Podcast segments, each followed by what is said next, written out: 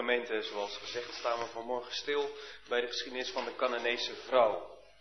En het thema van de preek is: Jezus laat zien dat geloven een zaak van het hart is.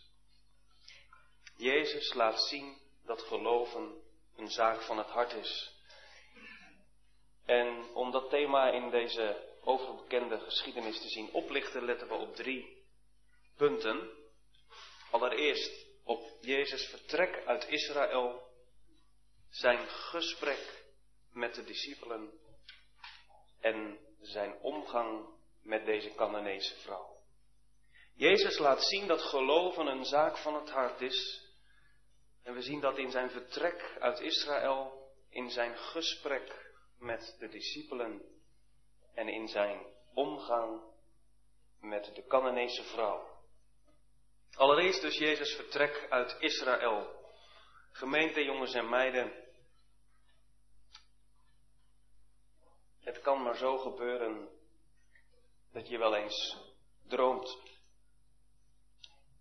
En waar ik het nu over ga hebben, geldt denk ik vooral een droom van ouders. Maar misschien ook jij, als je aan de toekomst denkt, hebt hier wel eens aan gedacht. Waar heb ik het over?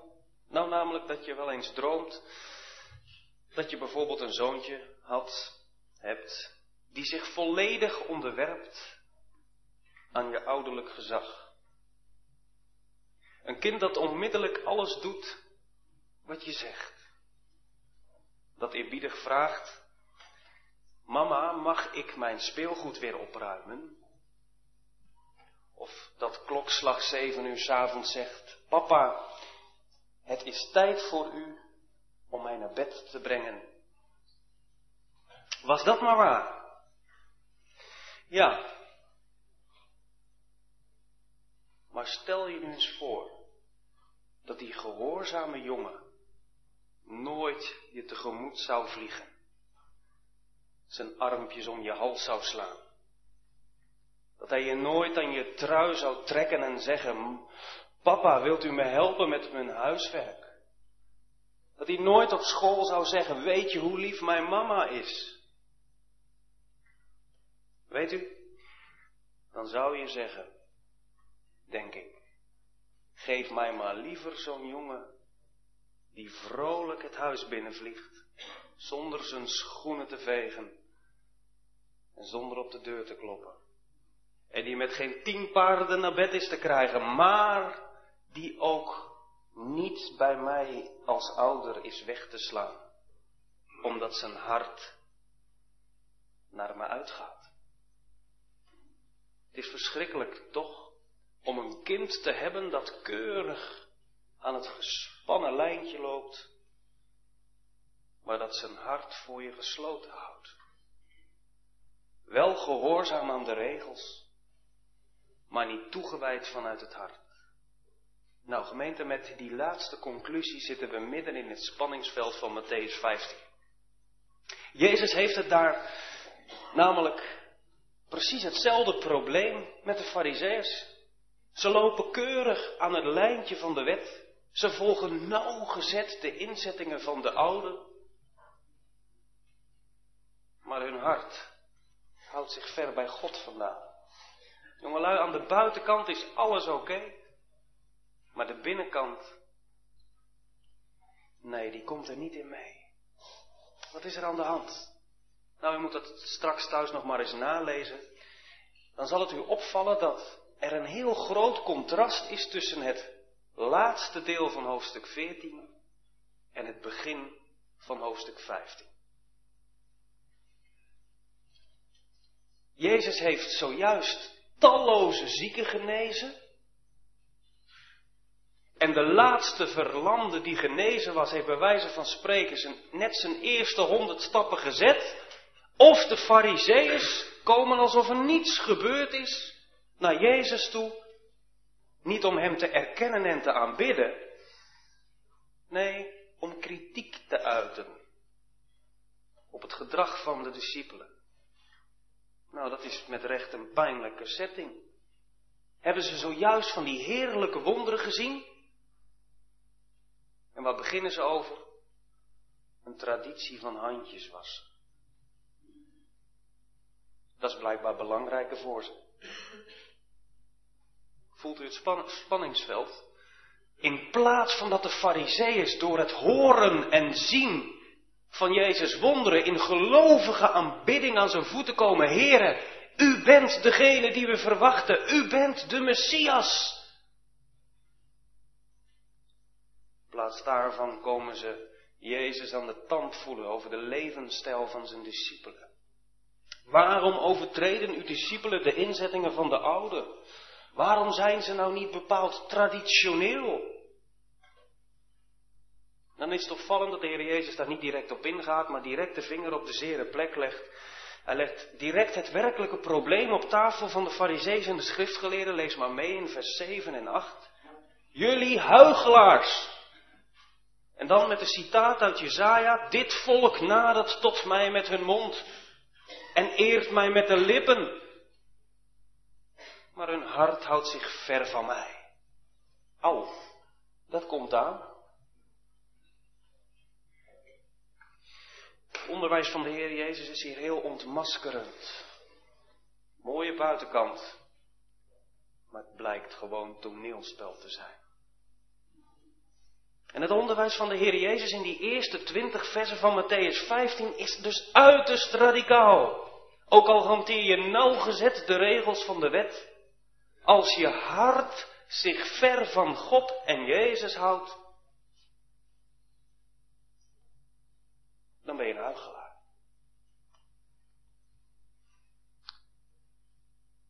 Kunnen we meekomen voor morgen? Blijkbaar kun je dus zo druk zijn met menselijke tradities en geboden en inzettingen, dat je de eigenlijke bedoeling van Gods goede wet naar de achtergrond drukt. Je komt niet toe aan het eren en liefhebben van God en je naaste. Zo op de buitenkant gefocust, dat je de binnenkant vergeet. Keurig leven voor de regels, maar je hart bij God vandaan houden. Is dat niet een groot probleem ook in de gereformeerde gemeente? We investeren aan de buitenkant in allerlei voorschriften over het gebruik van internet, van muziek, van kleding, het juiste kerkverband. Maar o zo vaak komt het hart er niet in mee. Nee, ik zeg niet dat de buitenkant onbelangrijk is. Maar zolang onze vrome buitenkant geen afspiegeling is van een rein hart, zal dat uiterlijk vertoon niet meer dan een papieren dekseltje op een slangenkuil. Levensgevaarlijk. Daarom even een toepassing.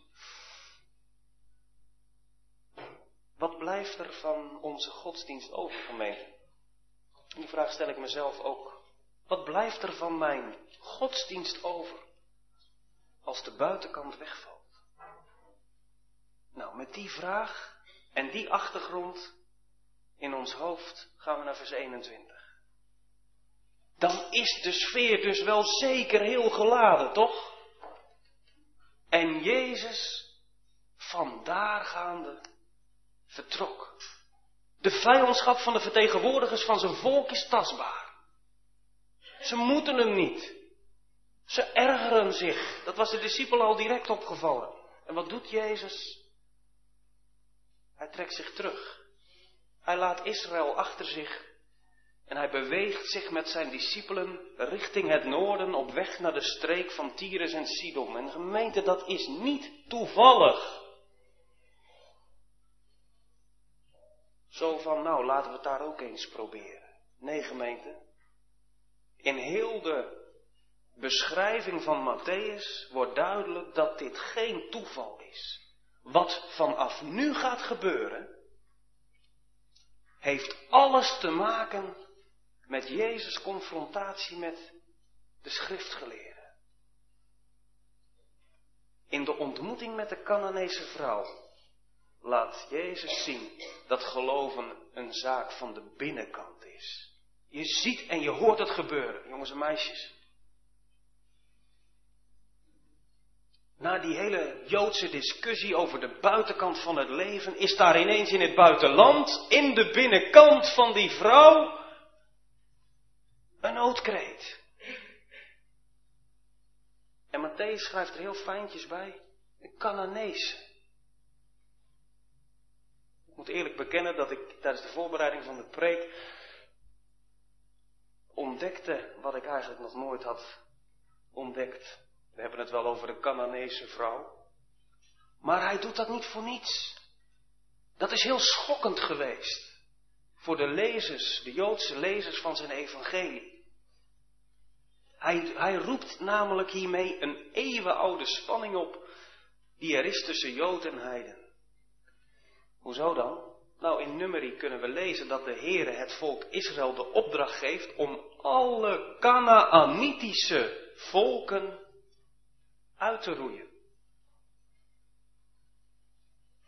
Oh. Ja. Dat tot je door laat dringen. Het gaat hier om een Canaanitische dochter. Ze hoort er eigenlijk helemaal niet te zijn. Bij goddelijk bevel nota bene hoorde ze er niet te zijn. Geen bestaansrecht. En toch is ze er. En toch is ze er.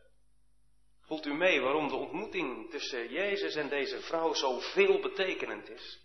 Dat nu uitgerekend zij, ja, de erkenning van de zoon van David komt uit een onverwachte hoek. Van buiten het verbond, van onder de vloek vandaan, is daar een Canaanitische vrouw. En van meet af aan speelt ze een verpletterende rol. Want uitgerekend zij eert Jezus wel. Je merkt het direct aan de titel die ze hem geeft en de toon waarmee ze spreekt. Heere, gij zoon van David, ontferm u over mij. Voelt u aan wat hier gebeurt? Dit is nu wat Jezus had gezegd. Dit is een vrouw. Die er dan misschien aan de buitenkant als een heidentje uitzag. Maar dit is een vrouw die wel tot God genaakt. Met haar mond en haar lippen en haar hart. Juist zij. Juist die heidin. Erkent Jezus als de Messias. Ziet u het grote verschil tussen die Fariseeërs en deze vrouw? Wat een confronterende ontmoeting. Deze vrouw komt Jezus niet aan de tand voelen, jongelui. Zo van, uh, bent u echt degene van wie ze zeggen dat u wonderen kunt doen? Nee. Ze gebiedt hem geen genezing. Ze biedt hem haar nood. Meer niet. Maar dat is alles. Alles wat het doet bij Jezus, gemeente. Met je nood bij Hem komen. Hem erkennen Let eens op die kleine woordjes aan het begin van vers 22. En zie. Zie het thema van de preek oplichten in het gedeelte. Hier komt het op aan bij het geloof. God dienen is geen kwestie van alleen maar opstapelen van regels en geboden om daarmee de rommel in je hart te bedekken.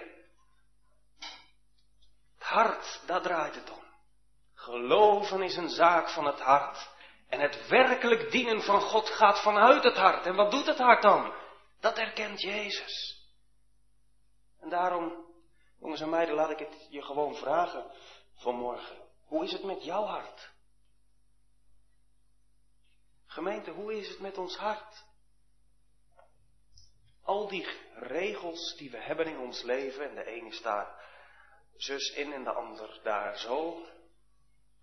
Begrijpt precies wat ik bedoel? De een wat strikter, de ander wat ruimer, maar ik heb nu niet één speciale groep op het oog. Maar kijk nou eens naar ons leven.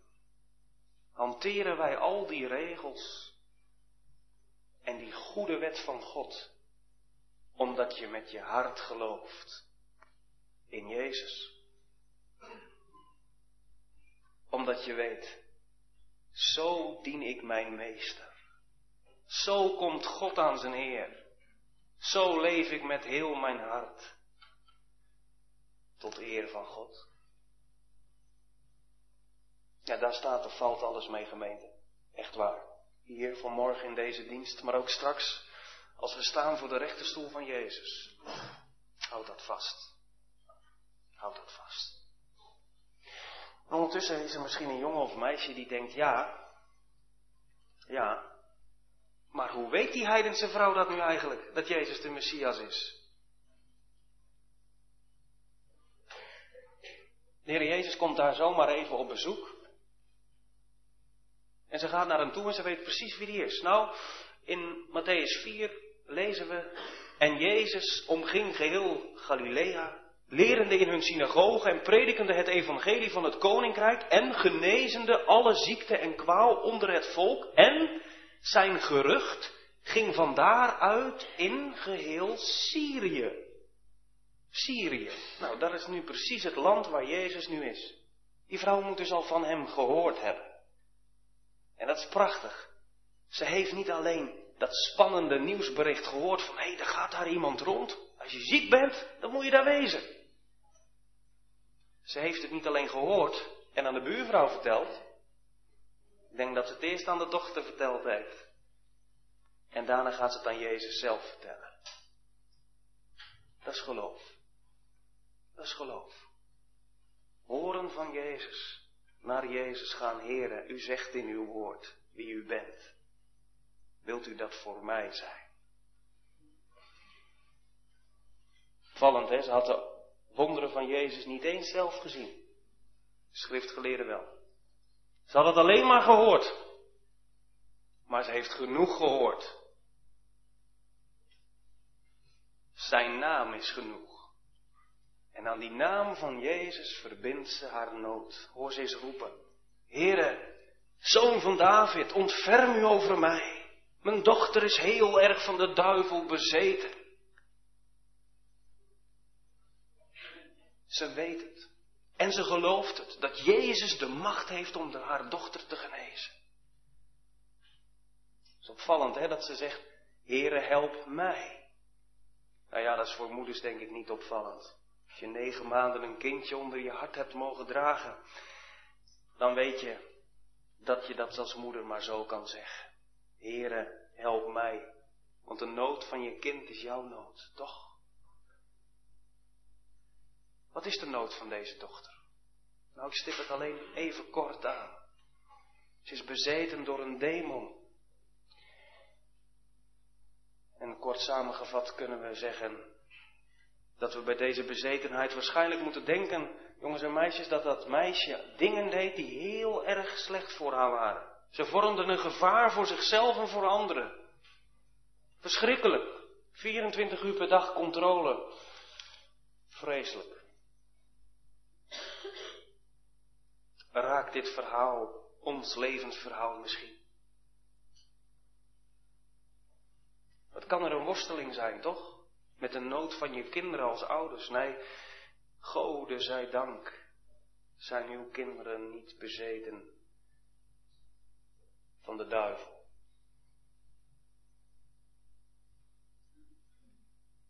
Gelukkig niet.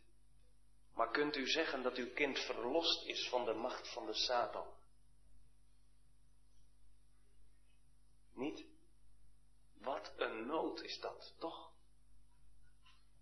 Moeders, in deze geschiedenis ligt wel heel speciaal een, een toepassing voor u. Ook een uitnodiging. Neem je kind wat er nu misschien niet meer bij is. Wat ergens het leven doorzwerft. Wat zoals ik pas een ouder hoorde zeggen.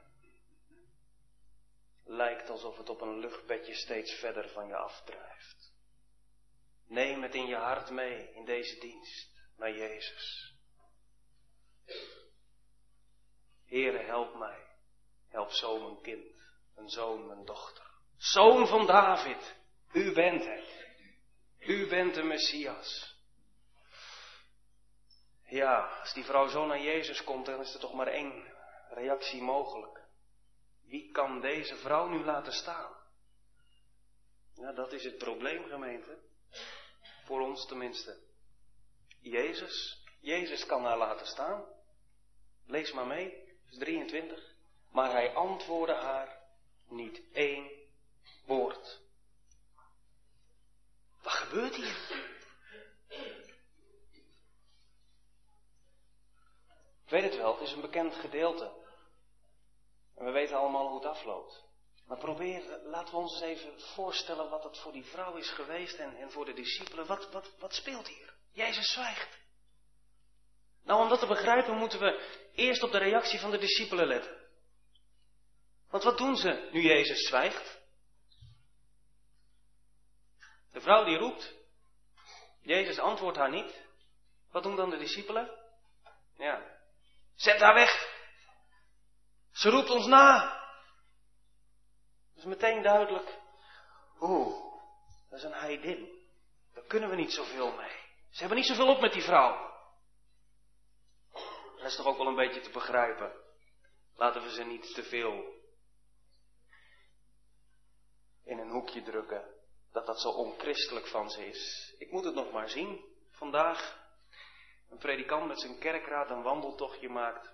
En ze worden achteraan geschreeuwd door een vrouw die er echt zo karakteristiek en typisch uitziet. Nou, en zeker in die tijd hoor. Een stel van die Joodse, waardig voortschrijdende mannen. Achteraan geroepen door een heidense vrouw. Maar gemeente, ze zullen zich best een beetje geschaamd hebben. Maar er is nog een reden. En die gaat veel dieper. Er is nog een reden waarom ze vragen aan Jezus om haar weg te zenden. Het moet namelijk voor hen echt zinloos geweest zijn wat die vrouw bidt. Die vrouw heeft helemaal geen recht op verhoring. Hoezo dan? Nou, dat heeft alles te maken met wat ze nou net een beetje proberen te begrijpen van het onderwijs van Jezus, wat hij daarvoor heeft gegeven, namelijk in Matthäus 10, vers 6. Toen heeft de Heer Jezus nota bene zijn discipelen uitgelegd dat ze niet moeten heen gaan op de weg van de heidenen. Maar dat hun missie is tot de verloren schapen van Israël. Kunnen ze zich voorstellen dat ze zich sowieso hebben afgevraagd van wat doen we hier eigenlijk? Dit is de weg van de heidenen, dan komt er een heidin. En dan denk je, ja nee, dat, nee. Nee, dat kan niet. Een heidin die vraagt om hulp. En daarom willen ze zo snel mogelijk van die Canaanese vrouw af, want ze moeten weer terug. Ze moeten de missie volgen die Jezus had gewezen. Misschien hebben ze gedacht, we weten het niet. Ja, de Jezus heeft ook rust nodig. Laten we ons even terugtrekken. Het is een hele spannende setting. Niet alleen vanwege die schriftgeleerden en fariseeërs, maar Herodes is ook al, ook al bezig.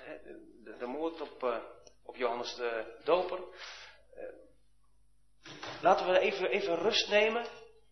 Maar nu echt concreet met die vrouw wat doen? Nee. Nou, en daar reageert de Heer Jezus op.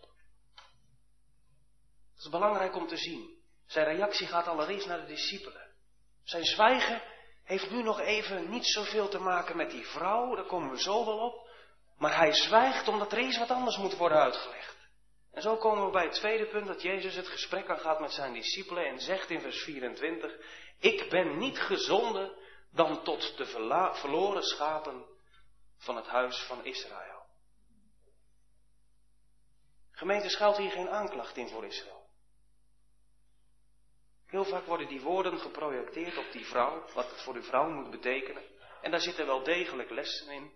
Dat zal ik zo proberen aan te stippen, maar we moeten niet vergeten dat dit onderwijs is aan de discipelen. Jezus herinnert ze pijnlijk aan de verloren schapen van Israël. Daar is Jezus voor gekomen. Dat is wat de echo van die kreet van die vrouw, Heere, help mij, zoon van David, die zit nog in hun oren.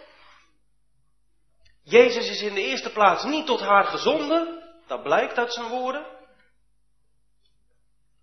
Maar in schril contrast met die verloren schapen die Jezus niet erkennen, is deze vrouw, deze Canaanese, aan Jezus voeten in aanbidding. En daarom houdt Jezus zijn mond tegen die vrouw. Hij wil eerst zijn discipelen laten zien wat er mis zit. Vooral bij het volk waar ze straks het evangelie moeten brengen.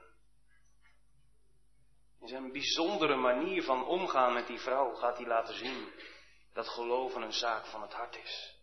Want juist deze vrouw gaat het bevoorrechte volk van Israël voor in de erkenning van Jezus.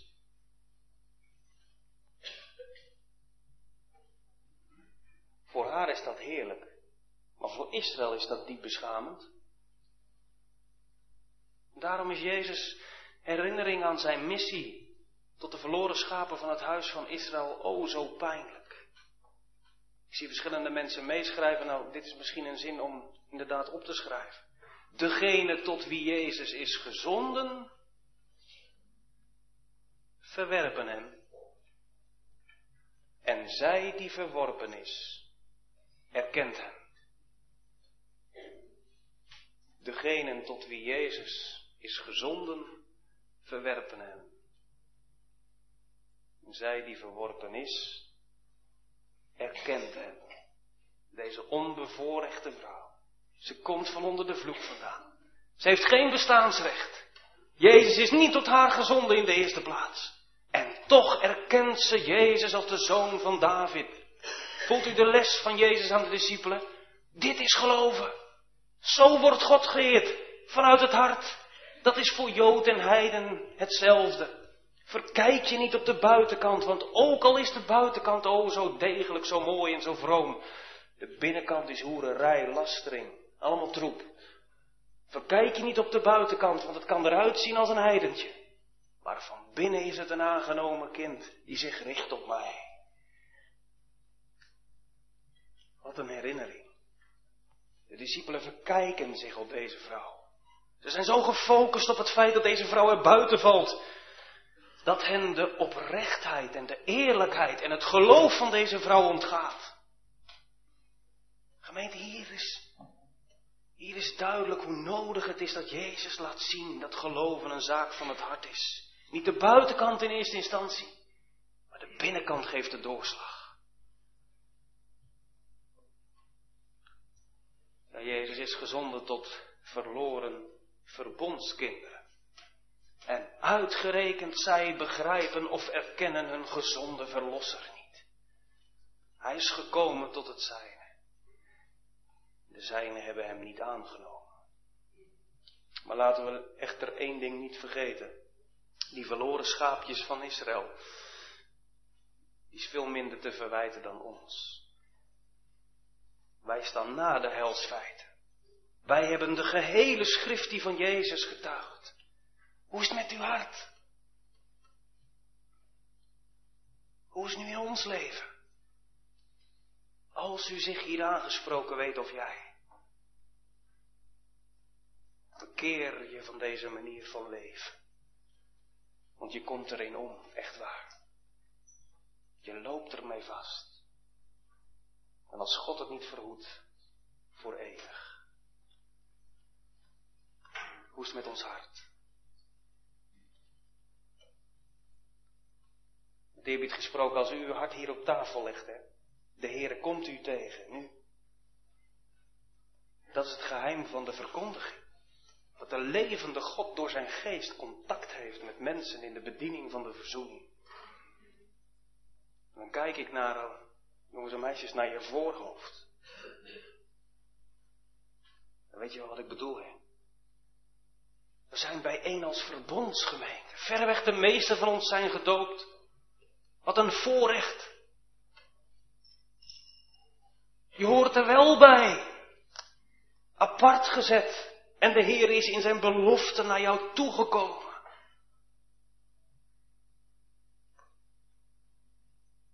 Als je Jezus niet erkent in je leven op dit moment, verkwansel dat voorrecht niet.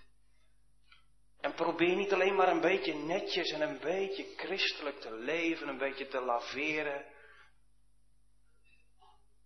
Maar ga nou gewoon zonder dekmanteltje naar Jezus en naar God. U hebt het gezegd. U bent de Vader, de Zoon en de Heilige Geest. De Heilige Geest, die doet me toe-eigenen dat wat ik in Jezus heb. En daarom Even heel concreet, de Heer Jezus biedt ons als het goed is in iedere preek, geen ontsnappingsmogelijkheid. Echt niet. Je kunt nooit neutraal zijn bij Jezus. En je bent nooit halverwege. Die positie die geeft hij ons niet. Of voor, of tegen. En dat weet je. Dat weet iedereen vanmorgen, hoe het zit. Geen gedraai. Maken we het alleen maar erger mee. Ook als we het ontkennen. Kijk in de spiegel van het woord. Het zal je goed doen. Al doet het pijn. Jongens en meisjes, ik denk aan een jongen uit Kerkrade. Die daar kwam aanwaaien tijdens het evangelisatiewerk. hij was dus niet gedoopt en hij zag er niet uit als een revo. Maar hij hoorde daar van de Heer Jezus Christus. En nadat hij één Bijbelverhaal gehoord had, maakte hij voor zichzelf de toepassing. Als je Jezus bidt, of het ophoudt met regenen, dan wordt het droog. Hmm. Wij de neiging om onze schouders toch over op te halen. Ja, daar moet je kind voor zijn. Een beetje mager. Als dat alles is, jochie moet nog een hoop leren. Maar in alle eenvoud tekende het geloof in de macht van Jezus zich af in zijn leven. Zal zo'n knulletje ons voorgaan, gemeente? Dat kan hoor, ondanks dat je gedoopt bent. Verbond geeft alleen haar schatten prijs als ik ermee naar God en Jezus ga. Ik vat nog even kort het tweede punt samen. De vrouw legt haar nood bij Jezus neer. Jezus zwijgt. Hij geeft zijn discipelen onderwijs in wat er ontbreekt bij de fariseeërs en bij het volk waar ze later een grote missie hebben. De verloren schapen van Israël. En dan juist uit onverwachte hoek wordt duidelijk dat geloven een zaak van het hart is. De hele ontmoeting met die Canaanese vrouw staat in dat licht. En daarom zwijgt Jezus in eerste instantie tegen die vrouw. Zodat die eerste discipelen kan uitleggen wat er mis zit. En dan dan is het toch goed om even die vraag te stellen van hoe, hoe moet het op die vrouw overgekomen zijn? Want het is, al staat er in het Grieks dat ze straks weer komt en hem aanbidt, daar zit iets in van afstand. Het kan wezen dat ze een poosje achterop is geraakt en dat ze er later bij is gekomen weer. Het kan ook zijn dat ze toch die woorden van Jezus wel gehoord heeft toen hij zei, ik ben niet gezonden dan tot de verloren schapen van het huis van Israël. Nou, stel dat ze dat wel gehoord heeft, dan is dat ook voor haar natuurlijk een pijnlijke herinnering. Vrouw, ik ben niet voor jou gezonden. Dan word je herinnerd aan de afkomst. En als dat zo is, gemeente, wat, wat, wat, wat, wat gebeurt hier dan? Waarom doet Jezus dit dan? Ook al is duidelijk dat Jezus gekomen is voor de verloren schapen van Israël. Is dit niet in tegenstelling met wat hij eerder zelf dan gezegd heeft? Komt allen tot mij die vermoeid en belast zijn? En nou komt er iemand en zegt, ja, het is een beperkte doelgroep. Nou, laten we dan eerst eens letten op hoe die vrouw daar zelf mee omgaat. En dan wordt vanzelf wel duidelijk wat de reden is waarom Jezus zo met haar omgaat. En zij kwam en aanbad hem. Gelijk het derde punt. Jezus omgang met die Canaanese vrouw. Gemeente, wordt hier niet treffend duidelijk dat Jezus zwijgt. En Jezus' pijnlijke herinnering dat hij alleen maar eigenlijk voor de verloren schapen van het volk van Israël is gekomen, een heerlijk doel hebben. Wij schrikken ervan terug als een dominee dat zou doen. Iemand komt met nood en die zegt van, uh, ja nee, ik ben alleen voor, uh, voor de elite in de gemeente gekomen. Maar zo werkt Jezus niet. Want Jezus weet precies waar die vrouw mee zit. Hij weet alles van haar. En hij vindt het vanuit zijn middelaarshart nodig om eerst een poosje afstand te bewaren. En dat heeft een heerlijk doel, je ziet het. Want ze laat zich niet afslaan. Ze komt naar Jezus toe. Het is heel teer wat we hier op het spoor komen. Hoe meer Jezus afstand van haar houdt, hoe meer onstuitbaar het geloof van die vrouw naar hem doordringt. En de discipelen hebben er denk met zulke ogen bij staan kijken. Wat? Wat gebeurt hier? Ja, precies. Ik hoop dat u ook zo kijkt. Want dan ga je heel veel rijkdom in Jezus zien. En dan krijg je heel veel lessen mee van wat geloof is. Jezus zwijgt hier. Zodat zij gaat getuigen. Jezus neemt afstand. Zodat zij dichterbij komt. En zij kwam en aanbad hem. Kun je hart daar nu in meekruipen vanmorgen? Door zo met deze vrouw om te gaan, laat Jezus zien dat geloven een zaak van het hart is. Dat zet door, dat is betrokken op Jezus. De aanbidding van Jezus en het eren van God is geen kwestie van logica, van redeneren. Dat hebben we net gezien.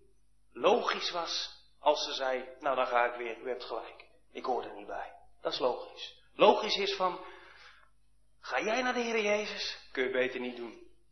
Hij zal je niet zien staan. Hij is niet voor jou gekomen. Dat is logisch. Alle logica getuigde tegen haar. Maar haar aanbidding komt op uit geloof. En daarom gaat ze door. Tegen de klippen op. Zomaar even tussen twee haakjes, jongelui. Ik hoor het nog wel eens. Ja, geloof is geloven. Ja, dat is voor watjes. Dat is niet waar hoor. Dat is echt niet waar. Geloven is een heilig avontuur. Dat is pas een spannend leven. Met Jezus leven. Ook als het beproefd wordt. En om dat geloof tot in de kern te laten zien aan de discipelen. Wat dat geloof nu is. Beproeft de Heer Jezus het ook tot in de kern. Zodat je merkt, ja, deze vrouw die praat niet maar wat. Dit is echt. Ze is volledig betrokken op hem. Ze kwam en aanbad hem, zeggende, Heere, help mij.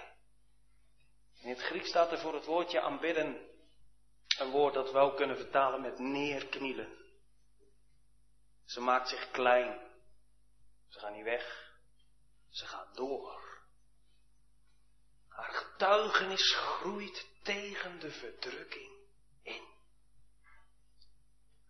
En zo wordt het geloof van die vrouw alleen maar krachtiger door de obstakels die de Heer Jezus voor haar opwerpt.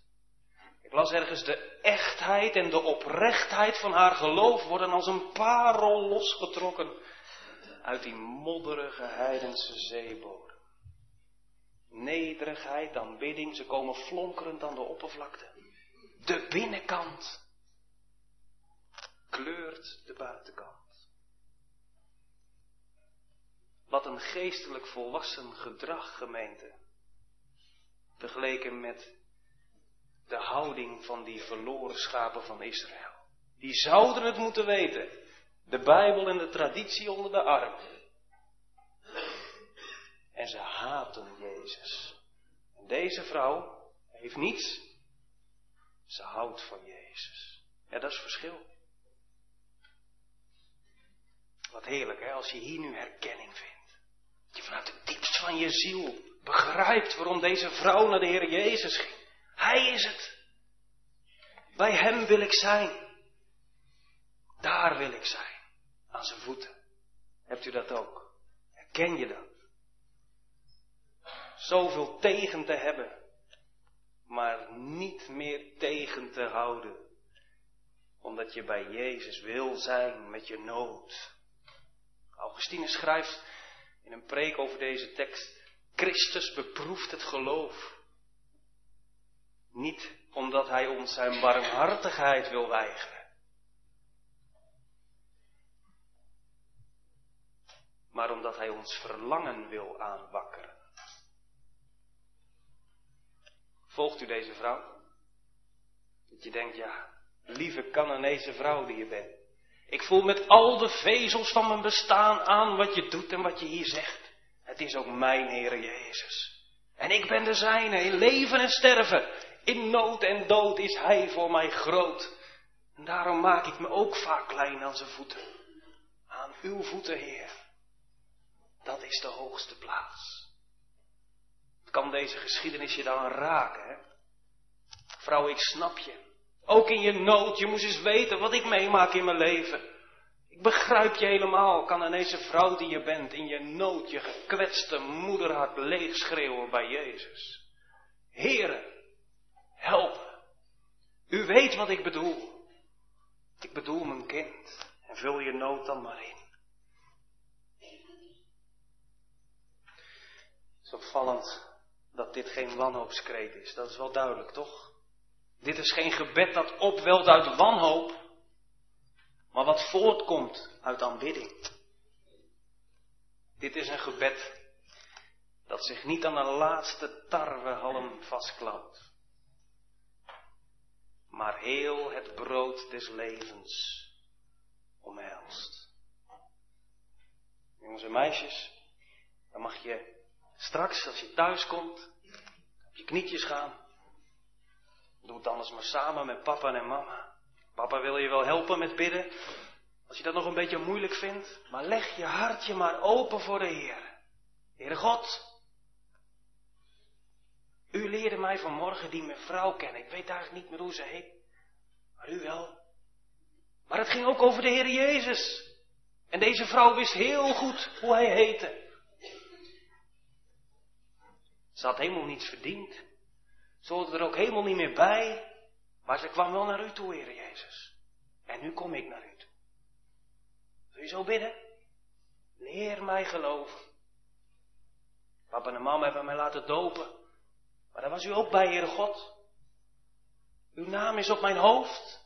Ik heb het ook niet verdiend.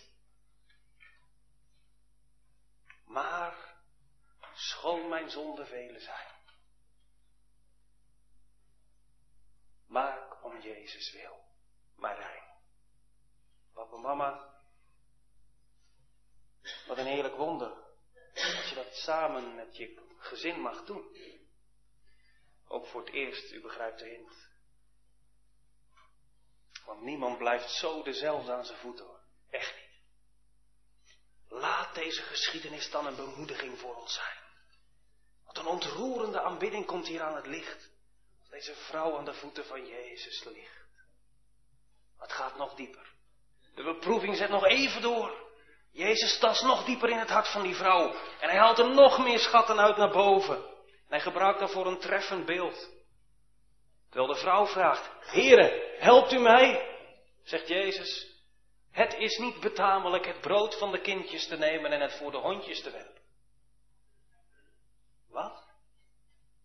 Noemt de Heer Jezus haar nu werkelijk een hond? Er staat er, hè? Dat is scherp.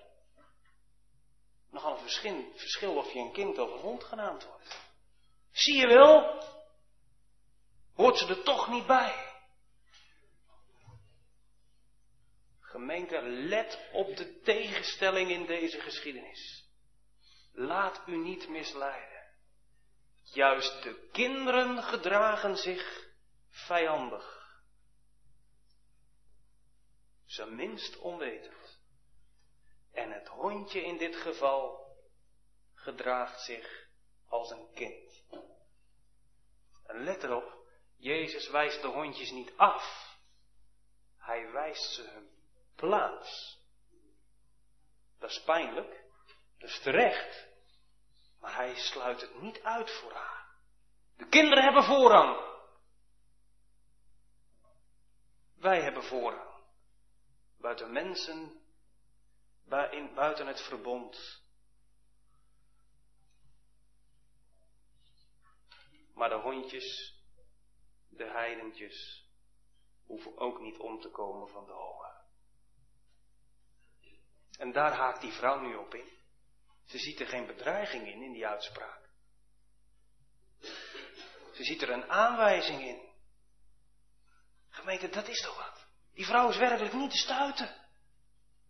Ze is niet bij Jezus weg te slaan. Hoor je wat ze zegt? Ja, heren.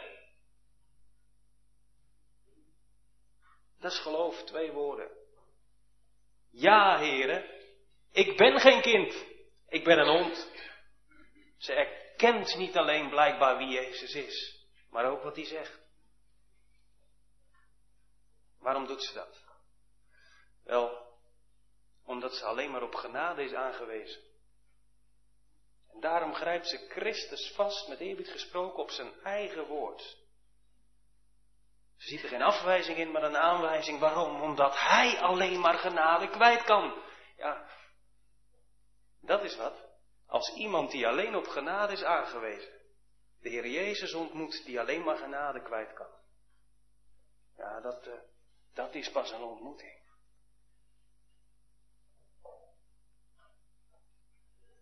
Genade is enerzijds niet krijgen wat je wel hebt verdiend. En anderzijds wel krijgen wat je niet hebt verdiend. Dat laat die vrouw zien. Wat een volharding. Ja, heren. Maar de hondjes eten toch ook van de brokjes die vallen van de tafel van hun heren? En goed luisteren nu wat ze zegt. Ze erkent Jezus' rangorde. Ze weet haar plaats. En dan komt het geloof. Maar die plaats geeft er hoop op leven. Op die plaats mekkert ze niet over de tweede rang. Ze grijpt gelovig aan wat ook haar onverminderd toekomt. Het brood des levens. Jezus Christus, hoor je wat ze zegt? Ja, heren, u hebt gelijk. Ik ben een hondje, maar als hondje ben ik laag bij de grond. En ik zie het. Ik zie het brood liggen. De kruimeltjes. Ik kan erbij, Heer Jezus. Jezus laat zien dat het geloof een zaak van het hart is. En aan Jezus voeten vertoont dit hondje het gelovig gedrag van een aangenomen kind. Dat is met recht een heidens groot geloof. Verloren schapen van Israël verkruimelen hun Messias. Onbegrip, ergernis, haat, boosheid. Deze heidin erkent Jezus, vouwt haar handen om het brood des levens. En dat raakt ook Jezus. O vrouw, groot is uw geloof. Geschieden gelijk u wilt. Dat is een unieke manier van spreken in het Matthäus-evangelie. Dat komen we er zelden tegen. Maar dit is ook uniek. Er klinkt ook vanuit de grondtekst heel veel bewogenheid in die woorden van Jezus. O vrouw. het janken van dit oprechte heidenhondje hoort de zoon van David.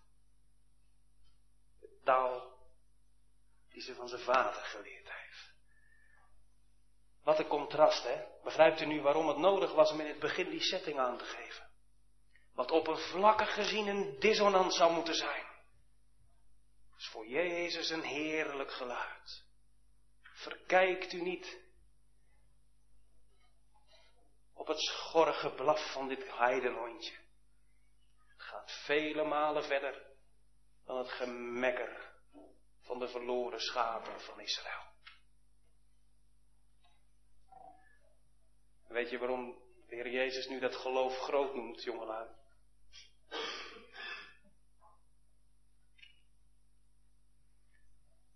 Omdat ze met veel komt. Nee. Het is groot vanwege het weinige waarmee ze tot hem komt. Toch? De Heer Jezus liet haar niet over het water naar hem toe komen, zoals bij Petrus. Dat was nog eens een bemoedigingsmiddel. Zoals ik dat kan, oeh, wat heb ik een groot geloof. Maar Petrus die zakte door de man, zou ik zeggen. Jezus nodigt haar niet. En toch gaat ze. Want in de boodschap van Gods handelen in Israël ziet ze ruimte voor een heiden. En dan wordt haar dochter gezond. Opvallend hè, dat in de evangelie als het wonder een feit is, het ook gelijk klaar is. Wat moet je daar nog meer over zeggen? Hoe meer je erover zegt, des te meer lijkt het alsof je twijfelt dat het heel bijzonder voor de Heer Jezus was of zo. Dat is helemaal niet bijzonder voor hem. Dat kan hij, dat doet hij. Haar dochter werd gezond van diezelfde uren. Maar wat een terugtocht moet dat geweest zijn. Ik wist het. Ik wist het. Ik wist dat hij het zou doen. Mijn dochter genezen. Nou, zo hebben ze elkaar daar thuis ontmoet.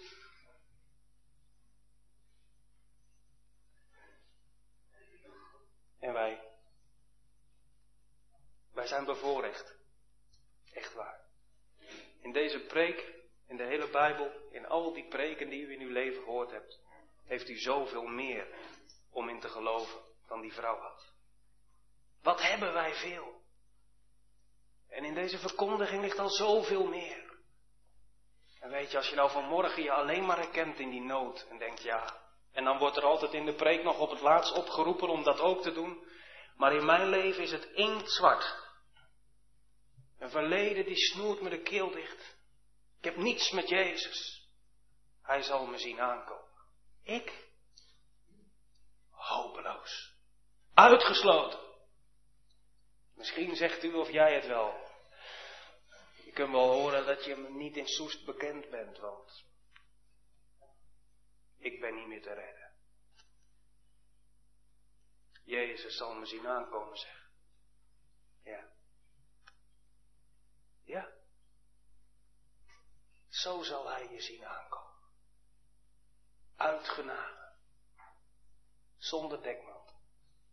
Zoals je bent. Ik moet denken aan die boer die vier puppies te koop had. En hij wilde ze graag kwijt. Hij is een bord en een pauw in de grond aan het slaan. En op dat bord staat vier puppies te kopen. En hij is nog niet klaar of hij wordt dus overal getrokken. En hij kijkt, oh, klein jongetje. Meneer, ik wil wel een van uw puppies kopen. Ja, en hoe zeg je dan als volwassene, kijkend in twee van die kinderogen, dat dat hem waarschijnlijk niet gaat worden, want die kosten een heleboel geld. En dat zegt die boer dan maar voorzichtig. Ze hebben hele goede ouders. Ik denk niet dat jij dat kunt betalen. Maar we kunnen wel even kijken. Hè? En de jongen die graait in zijn broekzak en komt een beetje geld uit en zegt, ik heb twee euro. Mag ik daarvoor kijken? Natuurlijk is dat goed en de boer die fluit en hetzelfde moment komen er vier van die kleine bolletjes wol uit het hok gestrompeld. En als ze een beetje de gang hebben, dan rennen ze als een speren naar het hek en die jongen die drukt zijn gezicht tegen het hek aan. En dan ineens, dan ziet hij nog een hondje uit het hok komen. Het is zichtbaar kleiner dan de rest. En op zijn achterpootjes strompelt het naar buiten, onhandig hobbelt het naar het hek. En met alle macht probeert hij die andere hondjes bij te houden, maar het lukt hem niet.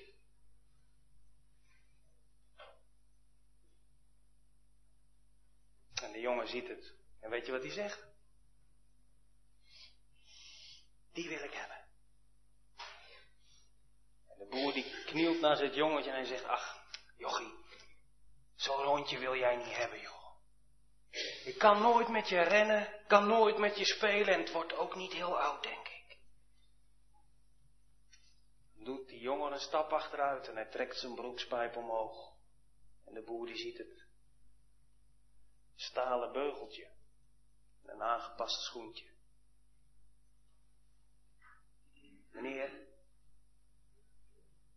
ik wil deze hebben.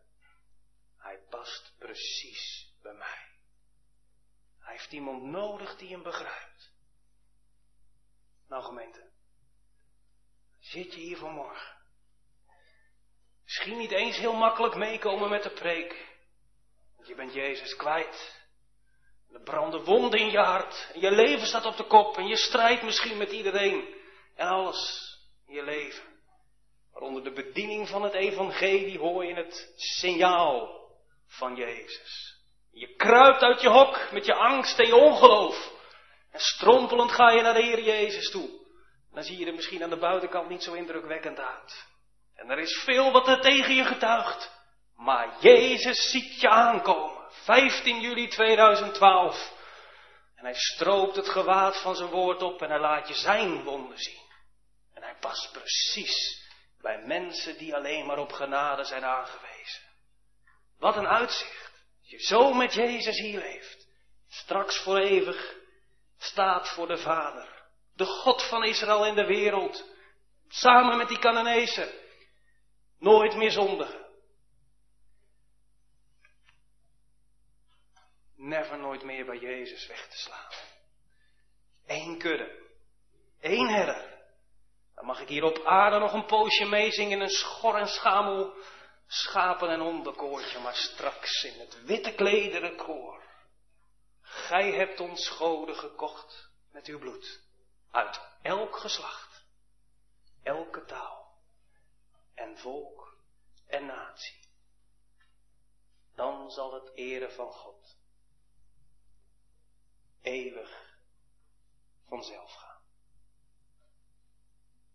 Amen.